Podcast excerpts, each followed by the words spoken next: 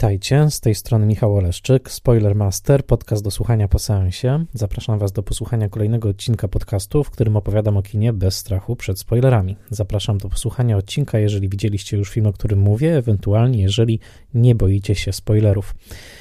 Spoilermaster jest podcastem w całości utrzymywanym przez patronki i patronów z serwisu patronite.pl. Zachęcam Was do zapoznania się z moim profilem na Patronite, rozważenie progów wsparcia. Spoilermaster jest i będzie e, podcastem zawsze darmowym w dostępie, w szerokim dostępie. Jednak jego przygotowanie wymaga sporo pracy, dlatego jeżeli zechcecie wesprzeć tę pracę i ten research, który e, za każdym razem wykonuję, bardzo będę to doceniał, a z każdym progiem wsparcia wiążą się także bonusy, takie jak chociażby Spoiler Master Newsletter, w którym nie tylko wybieram najciekawsze filmowe linki z danego tygodnia, ale także wymieniam wszystkie filmy, które pojawiają się w odcinku jako Spoiler Master Companion. Zapraszam serdecznie na patronite.pl. W trakcie trwającej pandemii koronawirusa Spoiler Master niemal w całości przerzucił się na tryb Spoiler Master Classic, w którym opowiadam o kinie klasycznym, ale dzisiaj opowiem o filmie nowym, chociaż zakorzenionym w kinie klasycznym. Opowiem Wam o filmie Davida Finchera pod tytułem Mank. Zanim jednak to zrobię, jak zawsze chcę podziękować moim patronom i patronkom imiennym, to znaczy Michałowi Hudolińskiemu ze strony Gotam w deszczu, Odjemu Hendersonowi, Tytusowi Hołdysowi z profilu Winylo Kino, na którym opowiada o dobrej muzyce filmowej na świetnych i czasami pięknych winylach, Annie Jóźwiak, Tomaszowi Kopoczyńskiemu, Mateuszowi Stępniowi, także blogowi Przygody Scenarzysty, na którym możecie przeczytać świetne analizy scenariuszowe i teksty analizujące rynek scenariopisarski w Polsce, a także Fundacji Wasowskich zajmujących się popularyzacją i archiwizacją spuścizny Jerzego Wasowskiego. Serdecznie im wszystkim dziękuję i dziękuję wszystkim, którzy wspierają ten podcast. Dzisiaj, jako się rzekło, o filmie nowym, ale o filmie, który nie dość, że opowiada o wydarzeniach sprzed no, 80 lat, to na dodatek film jest sam zakorzeniony mocno w latach 90., dlatego że wówczas powstał do niego scenariusz. Niemal 30 lat zajęła Odyseja Davida Finchera, żeby zrealizować Manka, film, który obecnie jest dostępny na platformie Netflix. David Fincher jest oczywiście znany każdemu kinoman, kinomanowi, jest także znany Wam, to znaczy słuchaczom Spoilermastera, z odcinka, który poświęciłem jego filmowi 7. Zachęcam do posłuchania tego odcinka, jeżeli jeszcze tego nie zrobiliście, dlatego że tam opowiadam o początkach kariery Finchera i o jej przebiegu. Dzisiaj już tego nie będę robił, zapraszam do odcinka poświęconego 7, ale dzisiaj chcę przede wszystkim opowiedzieć o kontekście filmu Mank, o postaciach, które się w nim pojawiają, na czele z bohaterem dzisiejszego odcinka i bohaterem tego filmu, to znaczy na czele z Hermanem Mankiewiczem. Herman J. Mankowitz, tak czytane jest jego nazwisko w Stanach. Ja będę mówił Mankiewicz. Otóż Herman Mankiewicz, urodzony w roku 1897, był jednym z najbardziej barwnych scenarzystów hollywoodzkich przełomu epoki kina niemego i dźwiękowego. Był postacią, która obrosła wieloma legendami i przede wszystkim znany jest niemal każdemu kinomanowi jako współautor scenariusza do filmu Obywatel Kane. Obywatel Kane, którego premiera miała miejsce w roku 1941, no, jest od wielu już dekad niemalże stereotypowo uznawany za najwybitniejszy film wszechczasów. Od lat 60.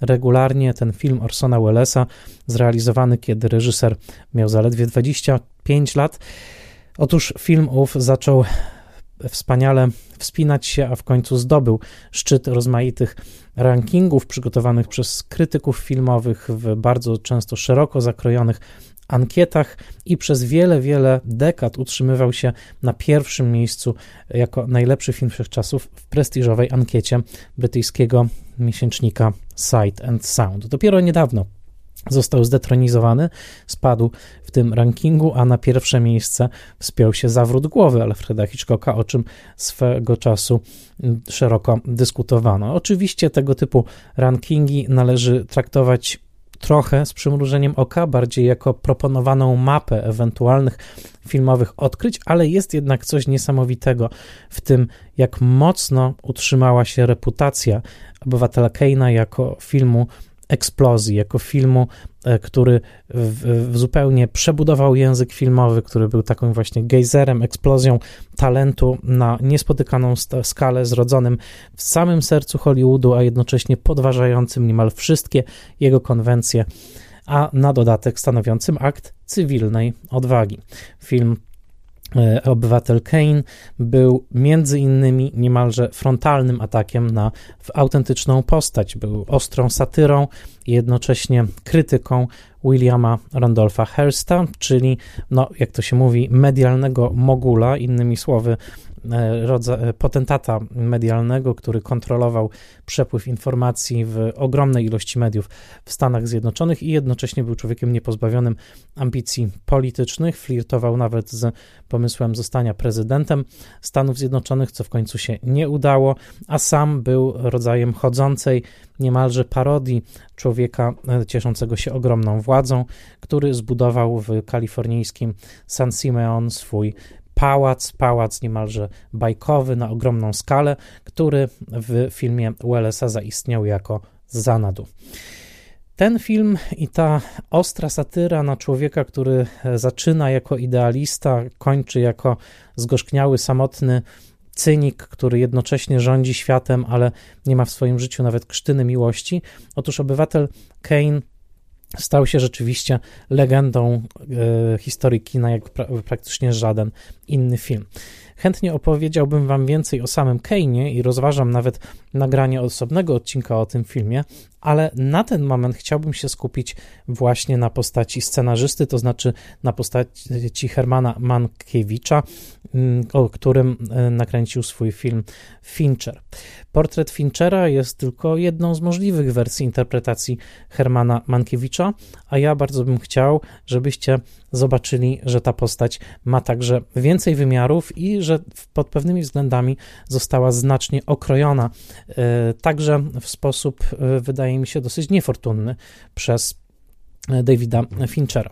Jak zwykle chciałem także wskazać na źródła, którymi się posługuję. Tym razem jest to przede wszystkim mm, książka Richarda Merrymana z roku 1978 pod tytułem Mank, The Wit, World and Life of Herman Mankiewicz i to książka starsza, y, na podstawie której zresztą y, Mank częściowo powstawał. Film a druga książka to książka Sydney Lendenson Stern, która nazywa się The Mankowitz Brothers. To jest nowa książka, książka poświęcona takiej równoległej biografii obydwu słynnych braci Mankowiczów, chociaż ta dynastia ma o wiele więcej interesujących postaci w swoim drzewie genealogicznym, ale tutaj chodzi oczywiście o Josefa albo Joe Mankowica, reżysera filmu Wszystko o Ewie i właśnie jego brata Hermana. Herman, jako się rzekło, urodził się w roku 1897.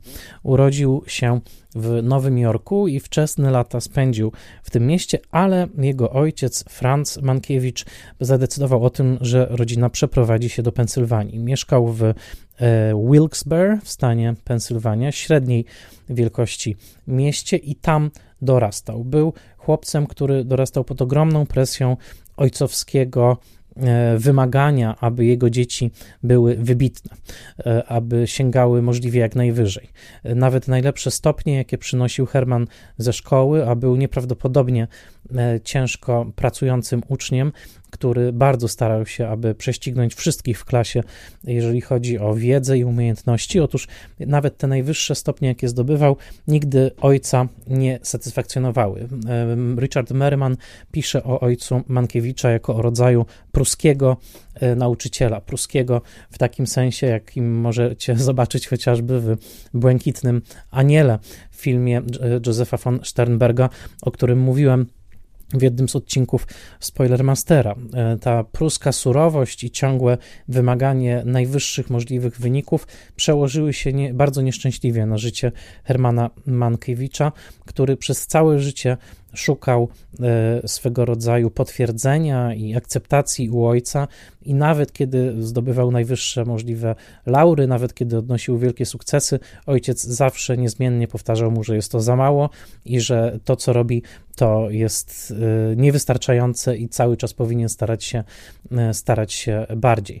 Ten brak ojcowskiej akceptacji, a nawet od pewnego momentu rywalizacja między ojcem i synem, przełożyły się na całe życie Mankiewicza, przełożyły się także na jego alkoholizm i ciągłą potrzebę potwierdzania E, tego, że ktoś go na tym świecie kocha. E, zazwyczaj e, kończył swoje telegramy do żony, Sary, którą poślubił stosunkowo wcześniej, która została z nim aż do mm, końca jego, jego życia. Kończył te telegramy taką frazą: Kocham cię, proszę cię, napisz mi, że też mnie kochasz. Ciągła ta potrzeba, ta niepewność i, i chęć słyszenia tych słów Mm, świadczyła o pewnej takiej czarnej dziurze, która powstała w sercu Hermana e, Mankiewicza. Także miało to związek z matką, e, która również e, nie stawiała go w centrum, która no, od pewnego momentu bardzo też źle znosiła humory Franca, swojego męża i była rodzajem matki raczej oziębłej. Innymi słowy, miłość rodzicielska i taka, taka pewność relacji w rodzinie nie były czymś, co Herman, czego Herman Mankiewicz doświadczyłby w domu, ale były czymś, co znalazł w domu swojej żony, Sary, pochodzącej z żydowskiej klasy średniej, i y, żyjącej w rodzinie, w której owe, więzy były niesłychanie silne, w którym ciepło i pewna taka właśnie familiarność, y, ciągłe rozmowy i bycie razem były niesłychanie y, mocne i Herman, jak sam o tym mówił, grzał się niejako przy ognisku rodziny swojej żony i obserwował relacje tak bliskie i tak serdeczne, tak przepojone troską, że chwilami nie mógł uwierzyć, że rodzina może być dla siebie tak ciepła. Jego brat brat Joe w pewnym momencie powiedział, że w rodzinie Mankiewiczów nikt się nie przytulał, jedyną formą pieszczoty była pochwała, e, ewentualnie E, e, ewentualnie jakiś e, dowcipny aforyzm wymyślony na poczekaniu, który wzbudził aprobatę jako naprawdę oryginalna myśl.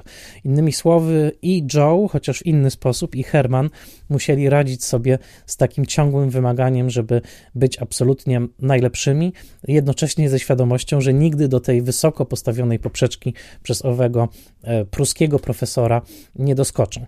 Sam Franz dosyć późno w swoim życiu, bo dopiero około 40 dorobił się autentycznej profesury, e, stał się profesorem Uniwersytetu Columbia. Herman dostał się na Columbię bardzo wcześnie, był takim cudownym, cudownym dzieckiem, który wręcz musiał odczekać rok, kiedy miał 15 lat, już zdał egzaminy na Columbię, ale musiał odczekać rok, ponieważ na kampus nie wpuszczano osób poniżej 16 roku życia i tak jak wspomniałem, była ciągła e, rywalizacja pomiędzy Hermanem i Francem, bardzo niezdrowa. Franc piął się w górę ścieżką akademicką. Herman nie miał cierpliwości i nie miał także umiejętności skupienia na jednym temacie, pogłębiania go i budowania powolnego gmachu akademickiego dorobku. Był raczej niespokojnym duchem, e, który szukał ciągłych przygód, kolejnych bodźców, e, którego fascynowało życie Nowego Jorku, jego nieprzewidywalność, jego różnorodność, a także którego fascynowała scena broadwayowska, na której oglądał wiele, wiele e, spektakli praktycznie codziennie, chodząc do teatru i bardziej dryfował w stronę właśnie publicystyki, tekstów lżejszych, tekstów tekstów e, iskrzących się dowcipem niż tekstów akademickich, co z kolei ojciec wyrzucał mu twierdząc, że jedynie właśnie ta mm, kariera mm, oparta na powolnej akumulacji prestiżu akademickiego jest godna Mankiewicza. E, Herman czuł się za każdym razem poniżony, e, niegodny swojego ojca, ilekroć wchodził do jego gabinetu, widział uporządkowane książki, pisma. Herman sam e, był człowiekiem raczej nieporządnym, słynnym z tego, że nie dbał za bardzo o strój, często chodził w dziurawych butach, garniturach nie pierwszej świeżości i nie zawsze dopasowanych do jego budowy ciała. Innymi słowy, Herman e, był wręcz książkowym przykładem takiego nowojorskiego intelektualisty, dziennikarza, który przechadza się ulicami Nowego Jorku, szuka kolejnych sensacji, który opisuje bardzo cięty sposób, często oparty na okrutnych porównaniach, ale też genialnych aforyzmach, opisuje to, co dzieje się na nowojorskiej scenie teatralnej, bardziej niż filmowej. To też trzeba powiedzieć, że Herman zdecydowanie dryfował bardziej w stronę teatru niż kina. Teatr go fascynował od najmłodszych lat, kino było czymś, co w latach 20. i 30. nie miało taki, takiego intelektualnego prestiżu i przez to też Herman raczej kinem się nie interesował.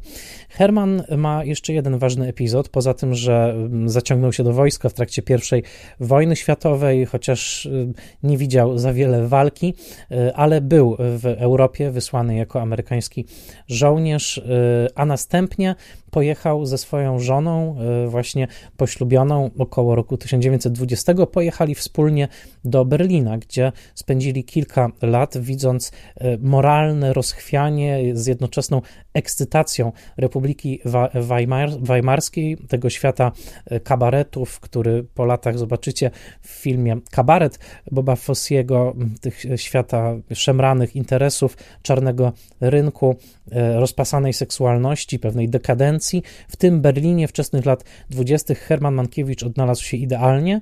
Jadąc tam z żoną, kłamał jej, okłamywał ją, twierdząc, że czeka tam na niego praca dziennikarska, że wszystko jest załatwione. W istocie nic tam nie czekało. Musiał przez jeszcze kilka dobrych miesięcy udawać e, przed żoną, że rano wychodzi do biura. Tymczasem swoim dowcipem, swoją chucpą, swoją bezczelnością powoli rzeczywiście e, wkręcił się w środowisko reporterów i koniec końców tę pracę, e, tę pracę dostał Uwielbiał pisać krótkie teksty, uwielbiał pisać teksty przesycone e, e, pikanterią, tempem e, i był idealnym wręcz korespondentem z tego Berlina, w którym, tak jak wspomniałem, i moralność była bardzo rozchwiana, a jednocześnie polityczne nastroje, a Herman przez całe życie bardzo interesował się polityką, były coraz to mm, bardziej gorące, ze względu oczywiście na rosnącą e, popularność narodowego, mm, e, narodowego e, socjalizmu, ale także ze względu na niesłychanie mm, eksplodującą wówczas inflację, dlatego że Herman Mankiewicz świadkował dokładnie temu czasowi, kiedy niemiecka marka traciła na wartości w sposób dramatyczny, co pokazywało mu niejako naocznie, że pewien porządek społeczny jest tylko iluzją, to znaczy, że ktoś, kto może mieć jednego dnia milion marek, następnego dnia za te same pieniądze może kupić zaledwie e, bochenek chleba. Innymi słowy, można powiedzieć, że Herman Mankiewicz był takim niebywale oczytanym intelektualistą, który z wielkim zainteresowaniem przyglądał się temu coraz to mocniej bulgocącemu i rozpryskującemu olej na wszystkie strony kociołkowi, jakim jest historia wczesna XX wieku, z nacjonalizmami, ideologiami, z ogromnym e, klaszem wartości, systemów politycznych, e, z rosnącą siłą komunizmu, z rosnącą siłą nazizmu e, i oczywiście z Stanami Zjednoczonymi, które w latach dwudziestych przeżywają niebywały boom ekonomiczny, stają się właściwie takim centrum świata, wielką światową potęgą, tylko po to, żeby w roku 1929 po krachu na giełdzie doświadczyć straszliwego e, kryzysu, który Herman także e, ujrzał na własne oczy. A zatem były to dekady wyjątkowo niespokojne, jednocześnie przesycone popytem na interesującą intelektualną treść, dlatego że w tym czasie e, literatura wyswobadza się z e, okowów wiktoriańskiej moralności, coraz to mocniej eksploruje tematy seksualności, przemocy, intymności, ale także e, polityki, porządku społecznego i Herman Mankiewicz żywi taką nadzieję, także po powrocie z Berlina, kiedy to trafia do Nowego Jorku i tam zamieszkuje wspólnie z Sarą, że stanie się wielkim amerykańskim pisarzem, a przynajmniej wielkim amerykańskim dramatopisarzem. Jego wielką, niespełnioną swoją drogą do końca życia ambicją było napisanie broadwayowskiego hitu.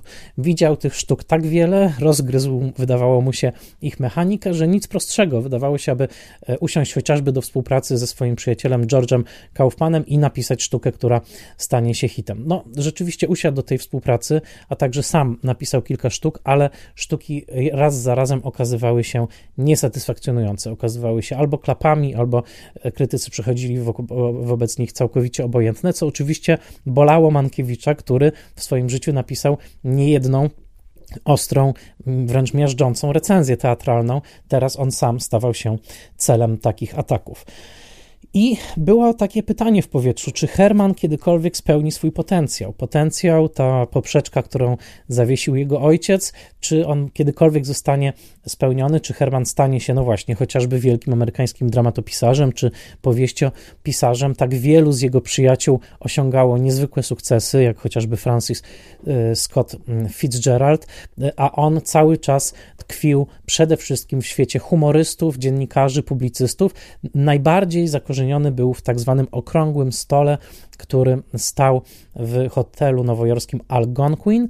Ten hotel i ten właściwie taka klika towarzyska, która nazywała siebie właśnie e, Okrągłym Stołem z Algonquin, do której należeli m.in. Dorothy Parker, Alexander Woolcott, e, Robert Benchley, e, Harold Ross i wielu, wielu innych. Także ta klika przyjęła Hermana Mankiewicza i wiązało się to z jednocześnie z niebywałym prestiżem, dlatego że ta, e, to towarzystwo miało świetną, świetne wyczucie rynku i wytworzyli taką aurę ekskluzywności, a jednocześnie umiejętnie sprzedali obraz samych siebie jako najostrzejszych, najbystrzejszych umysłów Ameryki, które właściwie nic, nic nie traktowało poważnie, wszystko zamieniało w żart. Byli to obdarzeni niebywałym dowcipem, niebywałą inteligencją ludzie, którzy wszakże, i to był los wielu z nich, włącznie z Hermanem, w pewnym momencie także musieli zapłacić pewną cenę za ukucie owego towarzystwa, za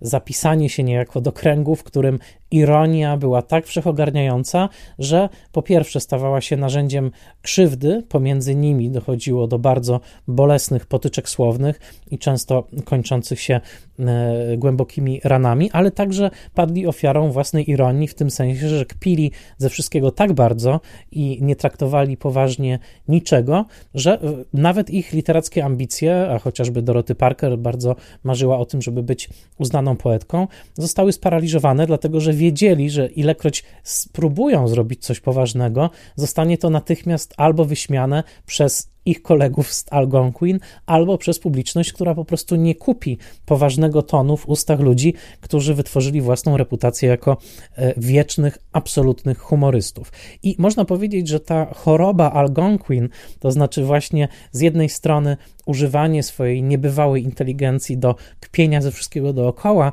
zamienianie wszystko w żart, który rozchodził się jak e, błyskawicznie, jak prąd elektryczny po najwyższych sferach Nowego Jorku, e, że ta sama okoliczność sprawiła, że także Herman bardzo bał się jakiejkolwiek poważniejszej działalności literackiej, o której jednocześnie marzył, ponieważ wiedział, że ewentualna porażka będzie potrójnie bolesna, bo po pierwsze będzie porażką artystyczną, po drugie spotka się z niechęcią krytyki, a po trzecie sami przyjaciele z Algonquin na pewno go wyśmieją i nie będą go wspierać. E, na tym polegała ta dziwna i koniec końców toksyczna dynamika Algonquinu. Jeżeli chcecie dowiedzieć się więcej o tym świecie, polecam zarówno film Alana Rudolfa, Pani Parker i Krąg jej przyjaciół, ale także świetny dokument z lat 80., który jest na YouTubie do obejrzenia, zresztą nominowany do Oscara, dokument pod tytułem Dziesięcioletni Lunch, The Ten Year Lunch, w którym zobaczycie historię tego przedziwnego klubu. Herman Mankiewicz odnalazł się w tym znakomicie, uczęszczał na obiady do Algonquin, sypał żartami, pisał recenzje teatralne, uwielbiał być dziennikarzem, uwielbiał bezczelność, jaką nowojorskie dziennikarstwo miało we krwi, nie uznawał żadnych autorytetów, e, wspaniale e, operował piórem, był także jednym z e, pierwszych piór New Yorkera, New Yorkera założonego w połowie lat 20. przez Harolda Rossa, pisma, które istnieje do dzisiaj i którego Herman Mankiewicz był pierwszym krytykiem teatralnym. E, później konflikty z Rosem zaowocowały także zakończeniem współpracy, co nie było niezwykłe dla Mankiewicza, który albo był wyrzucany z rozmaitych posad, albo sam burzliwie z nich odchodził, nigdzie nie mogąc się spokojnie, e, spokojnie e, zakorzenić. Natomiast pisarze, którzy krążyli wokół Algonquinu, z którymi też zaprzyjaźniał się Mankiewicz to byli przede wszystkim obdarzeni niebywałym dowcipem, przede wszystkim pochodzenia żydowskiego dziennikarze, tacy jak Ben Hecht chociażby, czy Charles Lederer, którzy pisali ostro, szybko, dla których lata 20 z całą ich dynamiką, nieprawdopodobną różnorodnością i nieustannym wysypem coraz to ciekawszych wytworów popkultury dostarczały po prostu ogromnej inspiracji. I jeżeli wierzyć Pauline Kael, ale nie tylko, w jej słynnym eseju pod tytułem Raising Cain z roku 1971, to właśnie Mankiewicz był kluczową postacią w przeszczepieniu tej wrażliwości, tej właśnie cwaniackiej, nowojorskiej, jednocześnie niesłychanie wyrafinowanej mm, wrażliwości na zachodnie wybrzeże do Hollywood. Herman Mankiewicz w połowie lat 20. opuszcza Nowy Jork i jedzie do Hollywood, gdzie zaczyna pracę jako scenarzysta. Był to czas, w którym scenarzyści byli zatrudniani często na bardzo lukratywnych warunkach przez wielkie studia filmowe, jednocześnie byli traktowani jak wyrobnicy, to znaczy jak e, po prostu wynajęte pióra, które mają pisać i nie narzekać, a przede wszystkim nie oczekiwać, że ich scenariusze będą traktowane jak wielka literatura i że e, redaktorzy będą zastanawiać się na każdym słowem i cackać się z nim jak z jajkiem. Bycie scenarzystą hollywoodzkim w tamtym czasie oznaczało tak naprawdę wejście w pewien system, w pewien system przypominający wielką maszynkę do mięsa, w której mieliło się tak naprawdę talenty. Każdy, kto wszedł w ten system, jednocześnie musiał się liczyć z tym, że bardzo mm, dobre uposażenie finansowe łączyło się z całkowitym oddaniem na łaskę i niełaskę szefom wielkich wytwórni. I tak naprawdę ciągłe konflikty z tymi szefami, ciągłe potyczki słowne, ciągłe e, tak naprawdę darcie kotów o to, żeby scenariusze były uszanowane w ich oryginalnym kształcie, albo wręcz przeciwnie, radosna destrukcja scenariuszy, przepisywanie ich, wpisywanie do nich najbardziej wymyślnych i absurdalnych, często świadomie absurdalnych elementów, e, stały się tak naprawdę znakiem rozpoznawczym e, Mankiewicza. On traktował scenariopisarstwo nie jako poważne działanie literackie, tylko jako sposób na zrobienie pieniędzy. Bardzo szybko te pieniądze zrobił. Oczywiście ciągle przegrywał w, albo e, w grach hazardowych, które uwielbiał i które bardzo często owocowały długami, które następnie musiał spłacać za kolejną pensję scenariopisarską, a także e, wydając pieniądze na alkohol, dlatego że przez całe życie był, e, był alkoholikiem.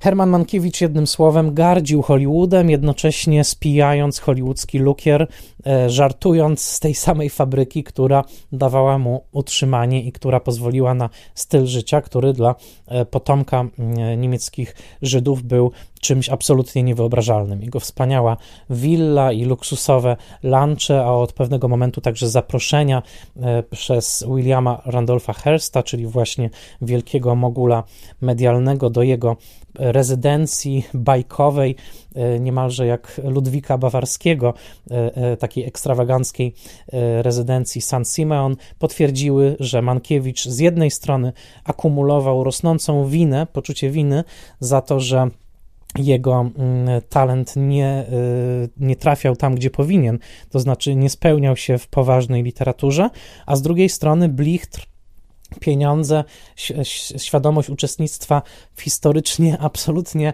no, wyjątkowym momencie, jakim była eksplozja hollywoodzkiej fortuny, no to wszystko sprawiło, że y, życie psychiczne Mankiewicza biegło dwutorowo. Z jednej strony miał coraz to większe poczucie winy, że trwoni swój talent, że lata lecą, a on przyczynia się co najwyżej do niemądrych historyjek, e, którymi gardzi i którymi tak naprawdę się bawi, dlatego że są one poniżej jego talentu, a z drugiej strony była w tym wszystkim radość, była chucpa, była przyjemność zapraszania do współpracy swoich dawnych nowojorskich kolegów, z którymi mógł nieustannie właśnie pić, e, jeść e, pyszne lunche przygotowywane w świetnych restauracjach i wymieniać się pomysłami, przerzucać jak piłeczkami, bawić się scenariuszami, wręcz czasami kpiąc z nich, umieszczając tam elementy absurdalne, a jednocześnie mając świadomość, że bierze udział w absolutnie wyjątkowej z punktu widzenia historycznego grze, w której paru przyjaciół z Nowego Jorku, e, przerzucając się dowcipami przy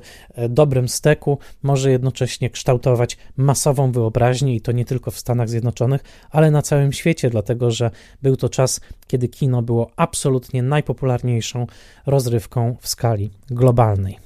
W Hollywood Herman Mankiewicz przede wszystkim zasłynął jako mistrz dialogu. Potrafił podrasowywać dialogi innych scenarzystów, ale także był producentem. Producentem dwóch filmów z braćmi Marx, z którymi pracował bardzo aktywnie. E, trzeci z tych filmów, co prawda, zakończył się wyrzuceniem go z planu. To była Kacza Zupa, najsłynniejszy film braci Marx zrealizowany dla Paramountu, ale e, Mankiewicz słynął z takiego mm, poczucia humoru, które idealnie pasowało do niektórych anarchizujących komików w rodzaju chociażby W.C. Fieldsa, pracował przy jego wspaniałym filmie Million Dollar Legs. Innymi słowy, wnosił energię dziennikarza i humorysty z pewnym właśnie takim anarchizującym zacięciem do amerykańskiej komedii lat 30. I tutaj powoli dochodzimy do Manka, czyli do filmu Davida Finchera, który zaczyna się w momencie, kiedy to e, Herman Mankiewicz po wypadku samochodowym unieruchomiony E, zostaje wywieziony na taką luksusową farmę pod Los Angeles i na zlecenie Orsona Wellesa, geniusza, który już w wieku 25 lat miał ustaloną reputację jako najwybitniejszego Amerykanina swojego czasu i miał za sobą sukcesy jako e, gospodarz e, teatru radiowego i teatru rzeczywistego w Nowym Jorku. Otóż, kiedy Orson Welles zleca mu napisanie scenariusza do filmu, który później będzie znany jako Obywatel Kane. W momencie, kiedy e, Man Mankiewicz pisze ten scenariusz, e, nosi on tytuł American, czyli Amerykanin. E, film Finchera uważam, i tu już przechodzę powoli do jego oceny, nie daje dobrej, dobrej podbudowy do tego, żeby widz, który nie jest zaznajomiony z tymi faktami, o których chociażby dzisiaj wspomniałem, mógł ten film komfortowo oglądać. Pada w nim bardzo dużo nazwisk, bardzo dużo jest właściwie takiego milczącego założenia, że ilekroć pada jakieś nazwisko w rodzaju Irvinga Talberga, czy Davida Selznika, czy nawet Louisa Mayera, że widz od razu będzie wiedział, o kim mowa. Oglądałem ten film i wydawało mi się, że nie została tutaj wykonana należyta praca przygotowawcza e, i tak naprawdę widz często nieprzygotowany chociażby nieznający obywatela Keina, myślę, że wielu widzów obywatela Keina nie widziało, może po prostu zagubić się w tym labiryncie nazwisk i odniesień. E, to jest e, o tyle ciekawe, że był już film w roku 1999 znany w Polsce jako Obywatel Welles. W oryginale było to RKO 281, czyli numer seryjny produkcji obywatela Keina. Film w reżyserii Bernarda Rossa który wspaniale i bardzo w taki zwięzły sposób, ze znakomitym scenariuszem, opowiedział już historię powstawania obywatela Keina. Tam Liv Schreiber wcielił się w e, Orsona Wellesa, a John Malkowicz grał Hermana Mankiewicza. E, I tamten film, który trwa około półtorej godziny, z bardzo takim ekonomicznie skonstruowanym scenariuszem, pokazuje dokładnie w pigułce i w sposób absolutnie jasny, jak przebiegał proces produkcji Keina, włącznie łącznie z pisaniem scenariusza i jest to film, który, to jest film telewizyjny HBO, który można obejrzeć nawet nie znając filmu i po obejrzeniu pomyśleć, aha, rozumiem o co chodziło z tym całym obywatelem Dlaczego e, drażnienie takiego potentata medialnego jak William Randolph Hearst musiało zaowocować e, kampanią potwarzy i e, próbą zatrzymania dystrybucji obywatela Kane'a. To jest wszystko zrozumiałe po tych półtorej godziny.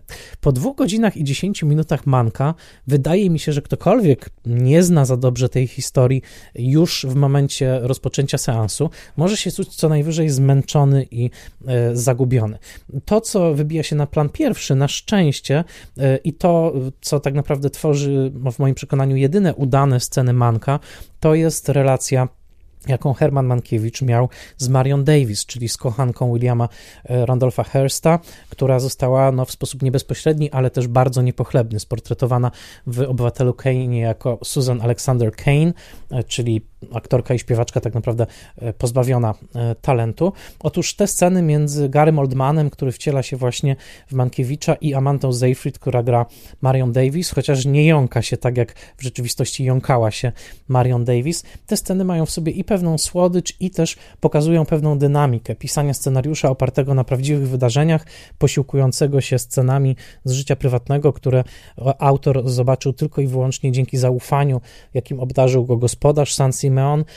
I który jednocześnie no, wykorzystuje i zdradza to zaufanie, e, umieszczając te sceny w scenariuszu. Tutaj ta dynamika pomiędzy Marion Davis i e, Mankiewiczem wydaje mi się zdecydowanie najgłębiej psychologicznie wygranym elementem Finchera i rzeczywiście rozumiemy obydwie strony. Rozumiemy potrzebę Mankiewicza, żeby opowiedzieć o tym niebywałym dworze, jaki zobaczył w San Simeon z pysznym królem Lirem, to znaczy e, właśnie Herstem w roli głównej i rozumiemy Marion Davis, która chce chronić mężczyznę, którego rzeczywiście kocha, który być może jest potworem politycznym i medialnym, ale dla niej jest przede wszystkim no, kimś, kogo, dla kogo ona ma niesłychaną czułość i wdzięczność. Więc tutaj rzeczywiście ta relacja jest interesująca. Natomiast de facto wszystko inne w Manku niesłychanie mnie rozczarowało. Rozczarował mnie niebywale. Orson Welles, grany tutaj przez Toma Berka, który swoją drogą ma około chyba 38 lat obecnie. Welles miał 25 i to było dosyć istotne, że był takim właśnie młodym geniuszem w momencie, kiedy kręcił ten film. Tutaj jest to dla mnie w zasadzie trochę parodia Wellsa e, niż sam Welles, a szczególnie moment, w którym półprzytomny Mank widzi Orsona Wellesa jako magika czy diabła, który zbliża się do niego w czarnym kapeluszu i zleca mu napisanie scenariusza niemalże jakby zawierał z nim jakiś faustowski pakt. Bardzo dziwna, bardzo dziwna scena.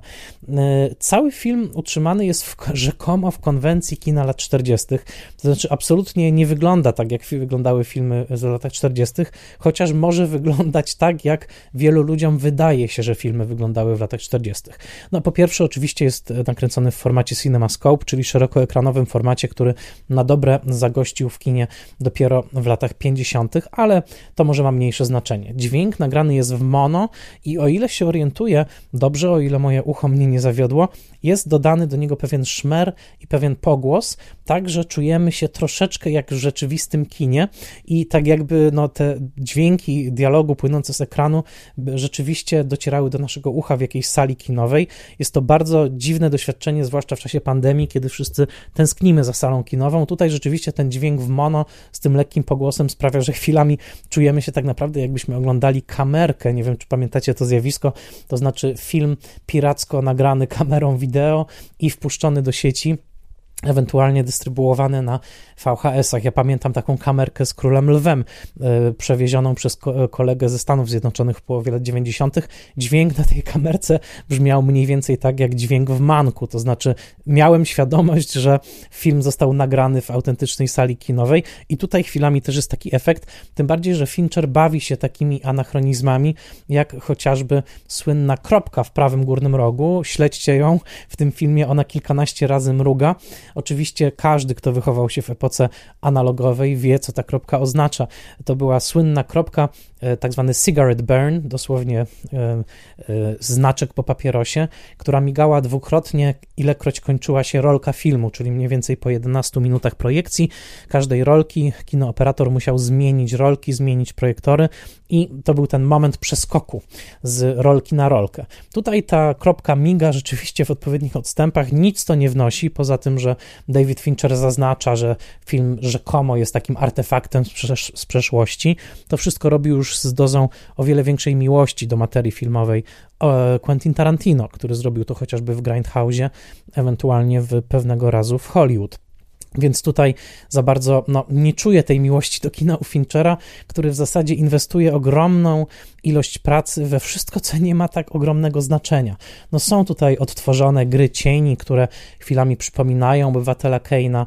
E, kadry są rzeczywiście komponowane z wielką starannością, ale ani przez moment tego dwu, ponad dwójpół godzinnego filmu nie uwierzyłem, że Fincher tak naprawdę, że Finchera w ogóle obchodzi to stare Hollywood. W żadnym wywiadzie, który z nim przeczytałem, a dał ich obecnie sporo, nie mówi on w ogóle o miłości do tamtej epoki. Nie mówi o tym, że ta epoka go fascynuje. Tak naprawdę tak, y, mówi, że interesuje go sytuacja, w której scenarzysta najpierw twierdzi, że nie chce tak zwanego kredytu, a później nagle zmienia zdanie i chce ten kredyt. Kredyt, kredyt, oczywiście tu nie chodzi o żadną bankową pożyczkę, tylko o obecność w napisach końcowych filmu. Tak? Ta walka o kredyt, czyli właśnie bycie odnotowanym w napisach, tutaj dostarcza dramaturgii w ostatniej części, kiedy to Welles najpierw chce Mankiewicza kredytu pozbawić, zgodnie zresztą z pierwotną umową, a następnie e, Herman Mankiewicz wywalcza sobie ów kredyt, który jest o tyle ważny, że przyniesie mu Oscara w momencie, w którym e, jedyny Oscar dla obywatela Keina zostanie przyznany właśnie za scenariusz oryginalny podzielony między Mankiewicza i Wellesa. I no dobrze, to jest myślę ciekawy temat, tak? Walki o prawa intelektualne, o prawa autorskie, to może być bliskie każdemu, kto miał styczność z scenariopisarstwem albo właśnie z taką walką o kredyt, ale no, czy to jest powód, żeby robić manka? E, nie, tak jak po obejrzeniu filmów Quentina Tarantino wiem, że przeszłość kina ma dla niego znaczenie i że tak naprawdę chciałby w pewnym sensie obcować z e, osobowościami, z ludźmi, którzy tworzyli kino chociażby lat 60., jak to ma miejsce w Once Upon a Time in Hollywood, tak mam wrażenie, że Finchera tak bardzo ta przeszłość kina nie interesuje.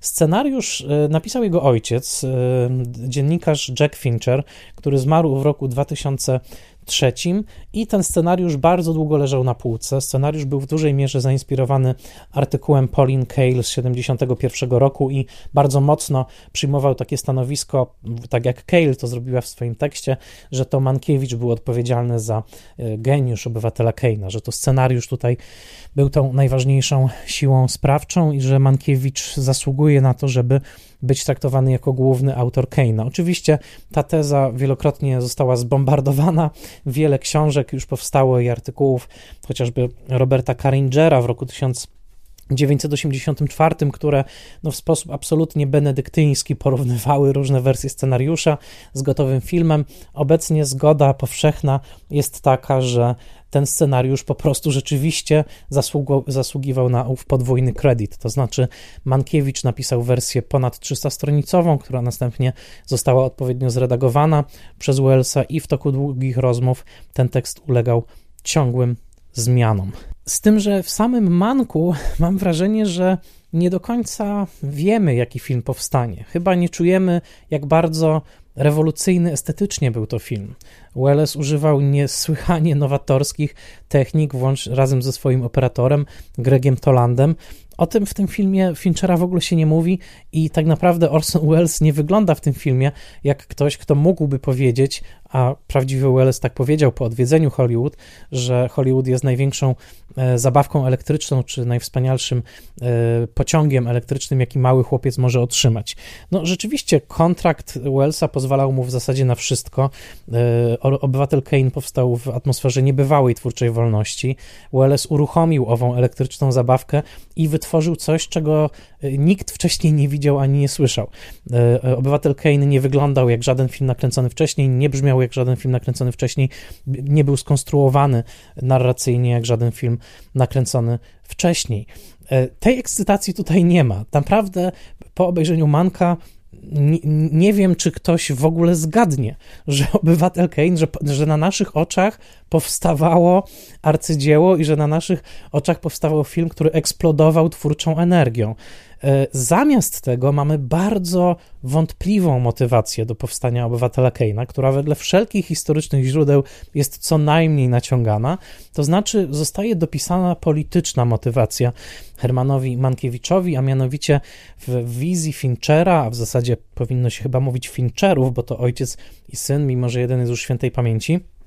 Otóż w tej wizji tak naprawdę obywatel Kane jest narzędziem zemsty, takiej ideowej zemsty Mankiewicza na Williamie Randolphie Hearście za to, że ten uczestniczył w kampanii oszczerstw, jaka była skierowana pod adresem Uptona Sinclaira, pisarza mocno lewicującego, a w zasadzie komunizującego, który w roku 1934 ubiegał się o fotel gubernatora Kalifornii.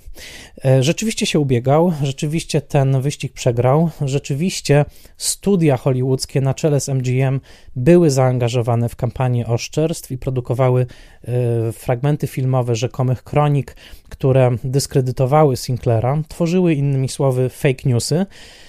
Nie do końca wiadomo, na ile William Hearst był zaangażowany w tę kampanię bezpośrednio. Wiadomo, że jego gazety pisały o Uptonie Sinclairze nieprzychylnie, ale w oczach historyków, a pojawiło się sporo tekstów w sieci, e, w sieci na ten temat, e, tak naprawdę e, jest jeden absolutnie absurdalny element manka, e, który e, no, po części dyskredytuje ten film, przynajmniej w dużej mierze, jako poważną wypowiedź na temat polityki lat 30., e, a mianowicie fakt, że Herman Mankiewicz po pierwsze nie ma śladu dowodu, żeby był zaangażowany w w kwestię tego, czy Upton Sinclair zostanie wybrany na gubernatora, czy nie. Ale co więcej, jak pisze historyk Greg Mitchell, autor książki The Campaign of the Century, czyli do, książki poświęconej dokładnie tej kampanii na gubernatora, ta książka wyszła w roku 1991, a Greg Mitchell 7 grudnia bieżącego roku e, napisał tekst dla New York Timesa, w którym naprostowuje przeinaczenia Fincherów. Otóż e, po pierwsze, Herman zapewne w ogóle nie był w to zaangażowany, to znaczy nie, nie miało to dla niego większego e, znaczenia, a po drugie, jego brat Joe, Józef Mankiewicz, był aktywnie zaangażowany właśnie w tworzenie owych fake newsów, to znaczy pisał, e, był scenarzystą niektórych z nich, fake newsów właśnie niszczących Sinclaira i dla radia, i dla wytwórni MGM. Jest w filmie Finchera scena, w której e, Mank i jego żona z przerażeniem słuchają takiego fake newsa w radio, gdzie kobieta skarży się, że jeżeli Upton Sinclair zostanie wybrany, to mm, jej styl życia całkowicie się zmieni, komunizm zawita w Ameryce i Mank z przerażeniem odkrywa, że głos wypowiadający te kwestie rzekomo rzeczywiste należy tak naprawdę do aktorki, którą zna i on i jego żona. E, natomiast w filmie nie ma ani słowa o tym, że jego brat pisał te dokładnie takie kawałki. Jego brat e, Joseph, który zresztą był republikaninem, e, i jakby o tym się tutaj. O tym się tutaj nie mówi, mimo że przecież w kilku scenach Joseph jest obecny i są między nimi rozmowy. Innymi słowy, Mank w wersji Finchera jest pokazany jako taki, e, e, że tak powiem, walczący w słusznej sprawie. W pewnym momencie wspomina się o tym, że pomógł e, połowie niemieckiej wioski wyemigrować do Stanów Zjednoczonych nic z tego nie jest poparte faktami. Warto poczytać o Manku, warto zwłaszcza poczytać o jego niesłychanie niekonsekwentnych poglądach politycznych, właśnie w książce Richarda Merrymana. No, nie da się z niego zrobić Schindlera, który ratuje Żydów w, e, poprzez właśnie przywożenie ich do Stanów Zjednoczonych. Być może miało to miejsce, i, ale nawet jego wnuk Ben mówi, że nie jest w stanie określić, na ile taka pomoc rzeczywiście istniała, ilu osobom pomógł. Wiadomo, że e, Mankiewicz był z natury filantropem i bardzo często wydawał swoje nawet ostatnie grosze, żeby pomóc ludziom, którzy byli w jakimś nieszczęściu, a czasem nawet zadłużał się, żeby pomagać ludziom. Więc to, że miał złote serce, jest absolutnie potwierdzone i często to złote serce przy, przyprawiało jego żonę o ból głowy, dlatego że to ona potem musiała radzić sobie z długami, które on zaciągał często po to, żeby pomóc innym. Także to, co do tego nie ma wątpliwości. Natomiast czynienie z niego takiego, e, że tak powiem, wojownika w sprawie Uptona Sinclaira jest co najmniej śmieszne. E, Mankiewicz prawdziwy nienawidził komunistów, to po pierwsze, miał żywą nienawiść do komunistów i do nazistów, nienawidził komunistów hollywoodzkich, kpił z nich, a komunizm był wówczas bardzo popularny w Hollywood. Nigdy nie przystąpił do żadnej organizacji, która miała w swoim statucie e, element komunistyczny. Wyśmiewał się z tych hollywoodzkich komunistów, którzy nosząc na nadgarstkach e, cudowną biżuterię, jednocześnie chwalili Stalina. Było to dla niego głęboko obrzydliwe. Nienawidził Hitlera, napisał e, nawet film w 1933 roku, napisał scenariusz filmu antynazistowskiego, który nie został skierowany do produkcji. Innymi słowy, nienawidził wszelkich totalitaryzmów i izmów. Był absolutnie nastawiony antywojennie, e, bardzo podziwiał Charlesa Lindberga, mimo jego antysemityzmu, o którym przecież Mankiewicz wiedział, ale podziwiał jego izolacjonizm. Był absolutnie przeciwny uczestnictwu w Ameryki w II wojnie światowej. Nie chciał, żeby Ameryka przystępowała do tej wojny. Co więcej, był bardzo ostrym krytykiem państwa Izrael, kiedy ono już powstało. Stawał po stronie Palestyńczyków, twierdząc, że tworzenie Izraela zabierając ziemię Palestyńczykom, jest aktem niewłaściwym. I e, za to także był często krytykowany przez swoich żydowskich przyjaciół e, z Hollywoodu. Nawet kiedy umierał, powiedział, że życzy sobie, żeby jego, mm, e, jego zamiast kwiatów wysyłania na jego pogrzeb, e, można czynić donacje, datki na rzecz e, sadzenia drzew w, arabskich rejonach Palestyny. A zatem był bardzo paradoksalną postacią, nie znosił także religii, nie pozwolił na rozmowę z rabinem, nawet kiedy był na łożu śmierci. Innymi słowy, był niesłychanie niezależnym intelektem. Zdarzały mu się ogromne potknięcia także pod tym względem, e, e, wręcz z takimi przypadkami, kiedy e, tak mocno nie zgadzał się ze swoimi przyjaciółmi w Hollywood, że Ernst Lubitsch wyrzucił go, wyrzucił go z domu w trakcie jednej z dyskusji. Innymi słowy, tworzenie z niego poprawnego politycznie wojownika o słuszną sprawę, w momencie, kiedy mamy do czynienia z osobowością tak niepoukładaną i tak pełną sprzeczności, jednocześnie czyszczenie jego żartów, dlatego że Mank przechodzi przez ten film w zasadzie rzucając bardzo bezpieczne żarty, które najczęściej opierają się na jakiejś prostej grze słów, czyszczenie jego żartów z wszystkich elementów, które, z których słynął, to znaczy z absolutnej jakby swobody, także obyczajowej, jego żarty nieraz były niesłychanie wulgarne. Tutaj Mank jest takim no raczej miłym wujkiem, który układa ciekawe gry słów, ale poza tym nie czujemy w ogóle, żeby te słowa mogły kogoś dotknąć, obrazić albo tak naprawdę rozśmieszyć. Jestem ciekaw, ile osób rzeczywiście zaśmiało się oglądając Manka. Te y, jego słynne aforyzmy są tutaj dostarczane przez Oldmana w taki sposób i tak reżyserowane przez Finchera, że wygląda to niemal jak jakiś obowiązkowy bieg przez płotki, w którym Mank musi zaliczać kolejne swoje słynne aforyzmy, ale tak naprawdę nie czujemy w ogóle skąd one przychodzą, nie czujemy takiego centrum emocjonalnego, moralnego tej postaci, nie wiemy, kim jest ten człowiek, dlaczego w ogóle w tym Hollywood się porusza i koniec końców Gary Oldman, mimo swojego wspaniałego warsztatu, gra w filmie, który, przykro to powiedzieć, jest oparty na pustce, to znaczy jest oparty na pustym założeniu, że wystarczy przywołać kilkanaście nazwisk, wystarczy odtworzyć z wielką dbałością, to trzeba przyznać, pewne, pewne takie imaginarium czy pewną dekorację starego Hollywoodu i że to już wywoła efekt życia, efekt magii. No niestety tak nie jest. Po dwóch i pół godzinach oglądania filmu Mank, który powstawał ogromnym nakładem pracy, niektóre ujęcia były powtarzane po 100 razy. Sam Fincher mówi o sobie, że jako syn luterańskiej matki jest podobny do Kubricka w tym sensie, że powtarza swoje ujęcia po kilkadziesiąt razy, ale po obejrzeniu nawet tych ujęć Zastanawiam się, które ujęcie wymagało tutaj 80 czy 100 powtórzeń. Gdzie jest ta wspaniała, uchwycona prawda czy gracja, na którą tak Fincher czyhał, e, kręcąc gdzie kilkadziesiąt razy jakąś scenę. Ja widzę sceny, właściwie scena za sceną, które padają na twarz, rozpłaszczają się przed moimi oczami.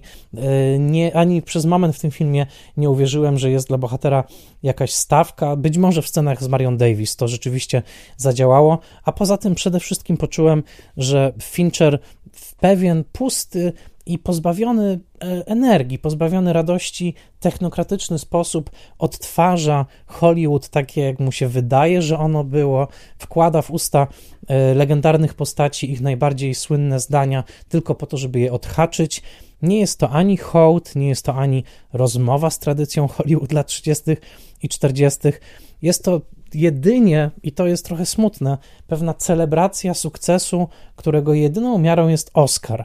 Dla mnie sam fakt tego, że film kończy się otrzymaniem Oscara przez Mankiewicza, tak jakby rzeczywiście całe jego życie zmierzało tylko do tego, jest trochę obsceniczne, a trochę smutne. To znaczy, pokazuje to taką świadomość, nie wiem czy dzieloną przez samego Finchera, ale na pewno dzieloną przez wielu także młodych filmowców dzisiejszych, że właściwie wszystkie drogi prowadzą do Oscara, w tym sensie, że jeżeli e, Twoja kariera zakończy się Oscarem, to znaczy, że miała jakąś wartość. No, Oscar oczywiście był, przyniósł ogromną radość e, Mankiewiczowi, ale nie zakończył wcale jego wątpliwości co do jego talentu. Wielokrotnie później Herman wpadał w depresję i tak naprawdę nie, nie, nie ukoiło to żadnego głodu ambicji w nim. Nie napisał swojej wielkiej powieści, nie napisał swojej wielkiej sztuki. Obywatel Kane oczywiście był wielkim osiągnięciem, ale jednak nie tym, które sobie Herman wymarzył. Więc kończenie tego filmu właściwie najazdem kamery na Hermana trzymającego Oscara dla mnie jest właściwie świadectwem płaskości tego filmu. E, nie wiemy nawet po obejrzeniu Manka, czym był obywatel Kane, ale mamy przyklasnąć tylko dlatego, że Kane dostał Oscara za scenariusz. Dla mnie jest to ogromny zawód. Nie wiem, czy ktoś po obejrzeniu Manka będzie miał w ogóle siłę, żeby sięgać do obywatela Kane'a. Nie wiem, co gorsza, czy będzie miał powód. Po obejrzeniu tej parady nazwisk, aforyzmów, niedopieczonej intrygi politycznej, która na dodatek nie za bardzo ma zakorzenienie w faktach, ale pobrzmiewa aktualnością, bo można trochę spojrzeć na Uptona Sinclaira jako na Berniego Sandersa. No, mnie to zdecydowanie nie przekonuje, tym bardziej mnie to nie przekonuje, że czytałem powieść Uptona Sinclaira, na podstawie której Paul Thomas Anderson nakręcił Aż poleje się krew i nigdy nie zapomnę Sinclairowi słów o tym, kiedy w tej powieści opisuje wojno, wojnę polsko-bolszewicką roku 1920 jako inwazję Polski na Rosję. E, to jest powieść jakby napisana niemalże na zamówienie partii sowieckiej w tamtym czasie e, i oczywiście mówię to pół żartem, pół serio, bo uwielbiam film Andersona, a powieść Oil, o której teraz mówię, jest całkiem interesująca, ale no, e, dla mnie tworzenie Aptona Sinclaira jako takiej ikony świętości, podczas kiedy jego życiorys posłużył, mógłby posłużyć na niejeden film i także był pełen sprzeczności, jest po prostu naiwne, więc koniec końców nie wyniosłem z Manka nic poza pojedynczymi scenami pomiędzy Garym Oldmanem i Amandą Seyfried. Mam nadzieję, że Amanda Seyfried będzie nominowana do Oscara za tę rolę, jako rolę drugoplanową, na to zasłużyła, ale poza tym Mank jest dla mnie niestety filmem, który najpewniej przyczyni się do tego, że e, wiele osób pomyśli sobie, że Obywatel Kane to jest ważny film, ale pewnie, że są już zbyt zmęczeni, żeby go oglądać. Pod tym względem zdecydowanie polecam Wam sięgnięcie do filmu Obywatel Welles, czyli RKO 281. Tam naprawdę ta sama historia opowiedziana jest ciekawiej i z większym wyczuciem tego, kim ci ludzie rzeczywiście byli, co nimi kierowało. W Manku niestety tego nie ma. Jest to film bezkrwisty, być może doskonały pod względem technicznym, ale jak dla mnie całkowicie pusty.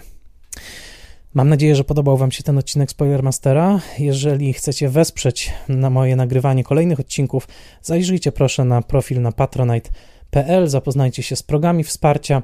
Bardzo do tego zachęcam, a ja słyszę się z Wami w kolejnym odcinku już za tydzień.